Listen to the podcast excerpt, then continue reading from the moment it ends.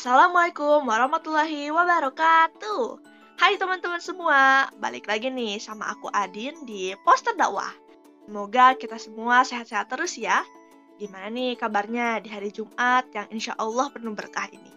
Ada yang overthinking, mikirin doi gak peka-peka? Atau ngerasa capek sama keadaan padahal selalu rajin ibadahnya? Hasil yang didapat selalu kurang padahal udah berusaha maksimal tapi kok ngeliat orang hidupnya enak-enak terus ya? Padahal jarang ibadah tuh orang. Hah, Allah udah gak sayang aku kali ya? Waduh, waduh, waduh, tenang dong. Semua orang pasti ada jalannya. Jangan gampang ngebandingin diri kita dengan orang lain. Apalagi tadi, jarang ibadah tapi hidupnya enak. Hmm, kalian tahu gak sama yang namanya istidroj? Istidroj ini diibaratin kayak jebakan Batman. Jadi, azab yang diberikan oleh Allah yang pelan tapi pasti tanpa disadari oleh manusia itu karena dia lalai dengan kenikmatan dunia yang dimilikinya.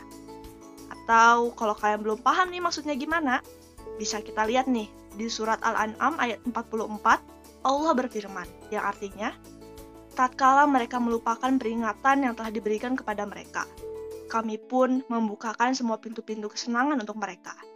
Sehingga apabila mereka bergembira dengan apa yang telah diberikan kepada mereka, kami siksa mereka dengan sekonyong-konyong, maka ketika itu mereka terdiam berputus asa.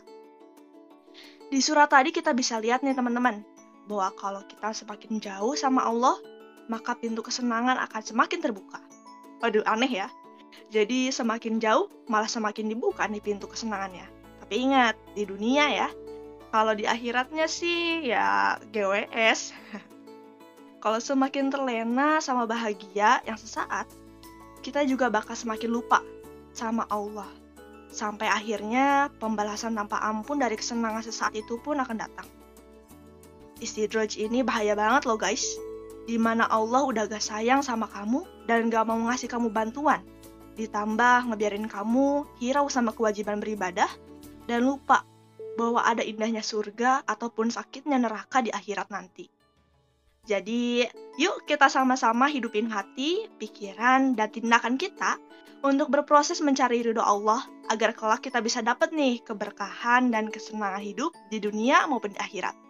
Karena pada akhirnya, yang menjadi penentu jalan surga dan neraka adalah seberapa banyak pahala kita, bukan seberapa senang dan kayanya kita di dunia.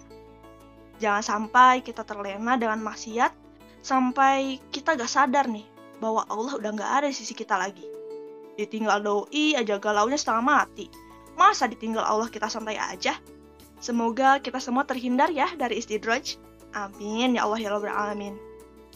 Oke, sampai sini dulu deh perjumpaan kita. Semoga hal yang udah aku bagiin nih bisa bermanfaat dan jadi renungan buat kita semua.